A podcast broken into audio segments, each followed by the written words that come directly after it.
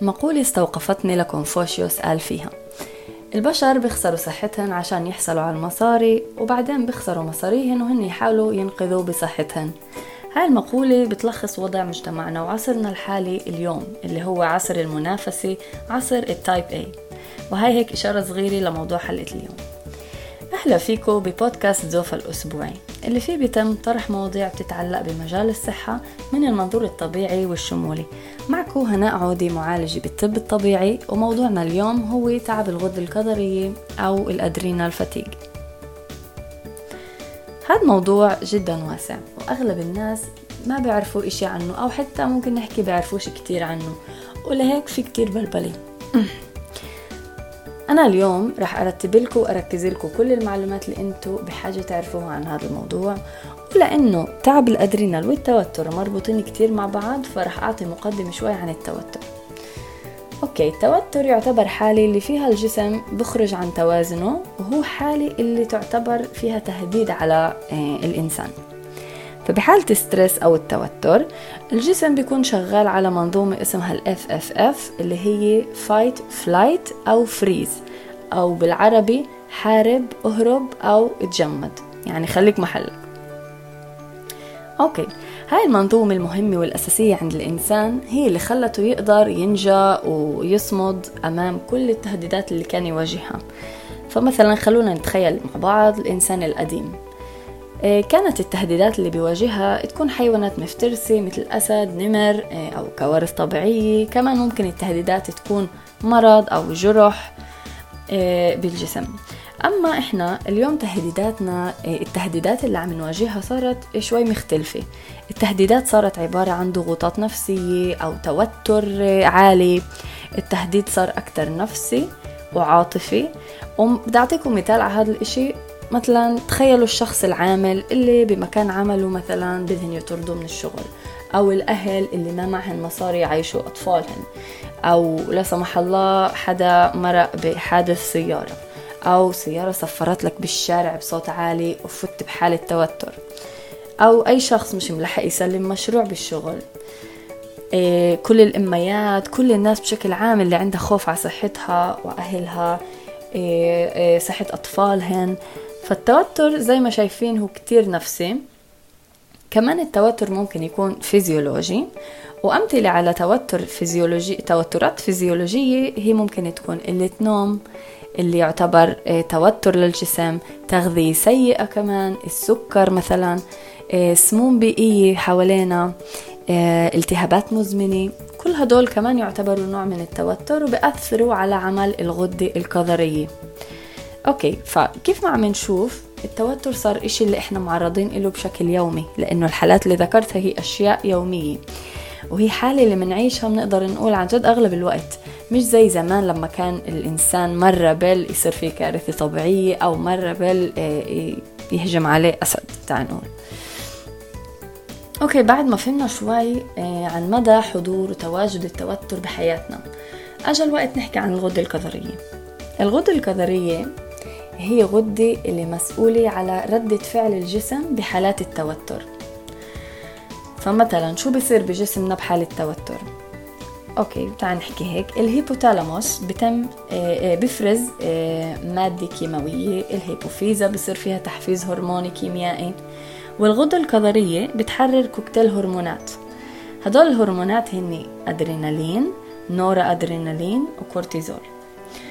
بهاي يعني مع تحرير هاي الهرمونات الجهاز العصبي المستقل بيشتغل بحالة التوتر الإكستريم وبيخلي الجسم يعمل ردة فعل آه، سريعة لهاي الحالة اللي هي توتر للتهديد تعال نقول فمثال على ردة الفعل اللي الجسم بيعملها آه، بوقت توتر يعني شو بيصير بالجسم فعليا؟ آه، مثلا الدم بترك الجهاز الهضمي والجلد وبتدفق بكمية كبيرة وبسرعة للدماغ للرئتين للقلب وللقدمين. كمان الأوعية الدموية بتتقلص ومنحس دقات قلب سريعة. الدم بتجلط أكثر آه، بصير كثيف آه، بسبب السبب هو منع خسارة الدم بحالة إنه الإنسان انجرح. طبعا هاي منظومة دفاع الجسم عن نفسه. كمان إفراز الدهنيات للدم بزيد. كمان إفراز السكر والجسم بيحتفظ أكتر بالصوديوم عشان يحافظ على ضغط دم عالي. ليش بيعمل هيك؟ هاي ردات الفعل الأوتوماتيكية بتصير بهدف التعامل مع التهديد أو التوتر بين أقواس. مثلا بهدف الهروب من الأسد بما أنه الأسد اليوم مش موجود زي ما حكينا إنما صارت التوتر هي حالة بنعيشها أكتر بشكل أكتر مزمن بوتيرة أعلى. صارت الغدة الكظرية عم تشتغل زيادة كل الوقت. يعني كل الوقت عم تعمل ردة الفعل الأوتوماتيكية هاي. ومثل ما ذكرت ردات الفعل بالجسم هي آه، سكر عالي دهنيات عالية ضغط دم عالي هضم بطيء وصعب كمان. فالحالة اللي عم نعيشها كل يوم بسبب نمط حياتنا التنافسي صار يخلي الغدة الكظرية عم تشتغل زيادة كل الوقت وهذا الإشي عم بأدي لإرهاق بهاي الغدة.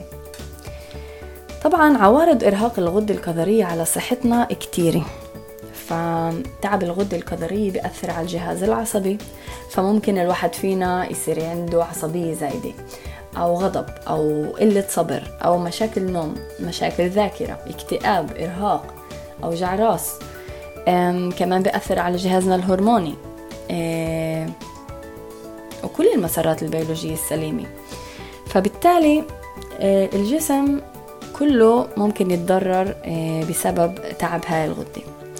فمهم نعرف إنه لما التوتر هو جزء ثابت من حياتنا ويومي إحنا بنكون عم نعرض صحتنا لخطر الإصابة بأمراض عديدة مثل أمراض القلب ضغط الدم المرتفع السكري السمني آه، من ناحية الجهاز الهضمي بنشوف مشاكل آه، بامتصاص فيتامينات ومعادن بنشوف قولون عصبي بنشوف Crohn colitis بنشوف جروح معدة ولما الغدة الكظرية بتصير منهكة فإحنا كمان بنشوف مشاكل هرمونية آه، مثل مشاكل بالعادة الشهرية.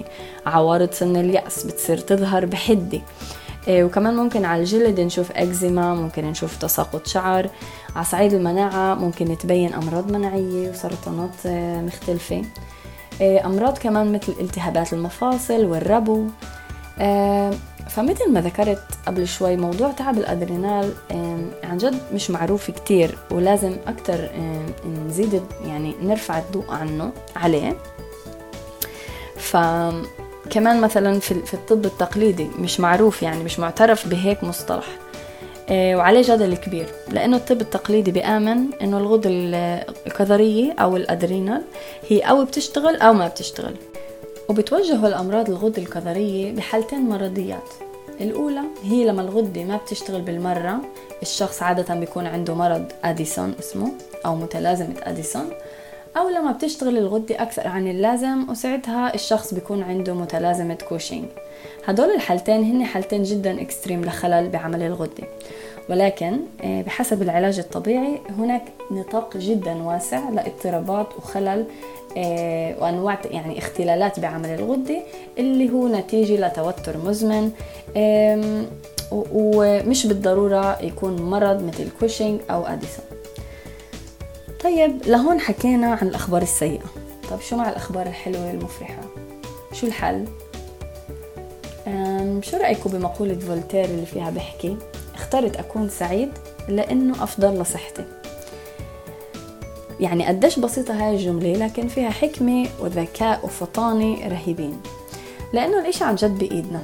رح أشارك معكم بعض الخطوات اللي بتساعدنا نقلل توتر ونكون أكثر سعداء وهيك كمان على الطريق منعالج تعب الغدة الكظرية خلونا نبلش بالخطوة الأولى لمعالجة العوارض. والخطوة الأولى عن جد هي بس الاسترخاء. يمكن للبعض النصيحة شوي ساذجة أو بسيطة أكثر عن اللزوم لكن عن جد الاسترخاء هو أول خطوة إلى معالجة آه، تعب الغدة. وعوارضها. جسمكم عم بيكون عم بترجاكم انه تبطئوا وتهدوا آه، ممكن مثلا تعملوا استرخاء آه، من خلال تأمل أو صلاة أو يوغا أو آه، تمارين رياضية هيك خفيفة. مثل تاي تشي ممكن تعملوا تمارين تنفس عميق حمام سخن أو حتى تفوتوا تناموا يعني قيلولة بسيطة. طبعا بعد ما تهدوا شوي ممكن تبلشوا تفكروا كيف ممكن تهتموا بتغذيتكم. اللي إلها دور كبير وبتساعد على تنظيم الغدة عملها. فإذا عم تاكلوا كتير سكر أو كتير junk food fast food إنتوا بمشكلة كبيرة لأنه غدتكم رح تضل تعبانة. لهيك مهم تهتموا بتغذية كاملة غنية بالخضار والفواكه والدهون الصحية وبروتين حيواني عاشب ومن مرعى حر. كمان مهم تهتموا إنه الأكل يكون ببطء يعني ضروري. كمان ضروري إنه ما تفوتوا عليكم وجبات يعني فطور غدا عشاء بانتظام لأنه هذا الإشي ممكن يصعب تشافي عوارض آه، تعب الغدة أو ممكن آه، عن جد العوارض تصير أسوأ. كمان الكافيين هذا خبر هيك مش كتير صار لعشاق القهوة بس جربوا امتنعوا عن الكافيين. لأنه الكافيين بحفز الغدة إنه تفرز كورتيزول وأدرينالين بزيادة. وبعد تأثير الأدرينالين رح تحسوا هبوط وهيك حالة التعب بتزيد. كمان مثلا ممكن بدل الكافيين تفضلوا خلطات أعشاب مهدئة مثل البابونج، باسيفلورا، تيليا، شاي أخضر آه، وإلى آخره. السكر كمان مهم تمتنعوا عنه لأنه السكر بحفز إفراز كورتيزول وأدرينالين وإنسولين بسرعة كبيرة. فلهالسبب مهم كمان نمتنع آه، عنه قدر الإمكان. مهم كمان تهتموا بموضوع النوم. آه، اهتموا إنه تناموا على الأقل آه، سبع ساعات يعني أو ثمان ساعات. فمثلا ممكن تناموا الساعة عشرة وتصحوا الساعة ستة كل يوم أو تناموا الساعة 11 وتصحوا الساعة سبعة برضو كل يوم. ساعات نوم ويقظة ثابتين. كمان مهم تستعينوا بعلاجات مثل مساج مثل ريفلكسولوجي مثل خلاصات زيوت طبيعية شياتسو آه وغيرها من العلاجات. آه في أعشاب جدا مهمة للغدة. آه، أعشاب من فئة الأدابتوجينيك اللي هي فئة من خلاصات الأعشاب اللي بتحسن من قدرة الجسم على التأقلم مع حالات التوتر الفيزيولوجية والنفسية. وبتساعد على التأقلم مع التغييرات ومع بشكل عام الفترات الانتقالية. هاي الأعشاب الأدابتوجينيك آه، بيشتغلوا على تنظيم ردة فعل الغدة القذرية بهدف استعادة الصحة والحيوية والحصانة للجسم. من أبرز الأعشاب ال adaptogenic اللي انعمل عليها أبحاث كثيرة آه، هن الأشواغندا أو بالعربي السموة آه، كمان الجنسنج السيبيري. والروديولا أو بالعربي تاج الملك أو الجذر الذهبي. كمان عشبة ال schisandra ال licorice الماكا والريحان وكمان الفطر الطبي cordyceps آه، بنصح كمان بإضافة بعض المكملات اللي ممكن تساعد بعلاج تعب الغدة الكظرية مثل فيتامينات ومعادن. يعني يكون عندك أو عندك multivitamin منيح فيتامين سي زنك B complex هاي المكملات كمان جدا مهمة بأنه الغدة تضلها تشتغل بطريقة سليمة. آه، يعني إحنا وصلنا لنهاية الحلقة. بحب أختم أنه أحكي لكم هيك. إذا عندكم قلق أو حاسين إنكم بتعانوا من تعب الغدة الكظرية عن جد الخبر السعيد أنه ممكن تعالجوا الحالة بسهولة من خلال اتباع الخطوات اللي ذكرتها. وإذا بعد اتباعكم لهي النصائح ما حسيتوا تحسن آه، أو ما حسيتوا تأثير قوي آه، بتقدروا تتوجهوا لمختص أو معالج بالطب الطبيعي أكيد ممكن تتوجهوا إليه إيه وهيك ممكن أقدر أساعدكم ببرنامج اللي هو أكتر خاص وبشوف كل الصورة هيك من بعيد وبقدر يعطي جواب أو بقدر يعطي اعتناء لكل جانب من جوانب صحتكم. وهيك بنكون وصلنا لنهاية البودكاست. بتمنى تكونوا استفدتوا. وإذا حبيتوا المحتوى شاركوه مع أقربائكم وأصحابكم وإذا عندكم أي استفسار بساعدني أساعدكم دايما. كنت معكم هناء عودي أشوفكم بخير.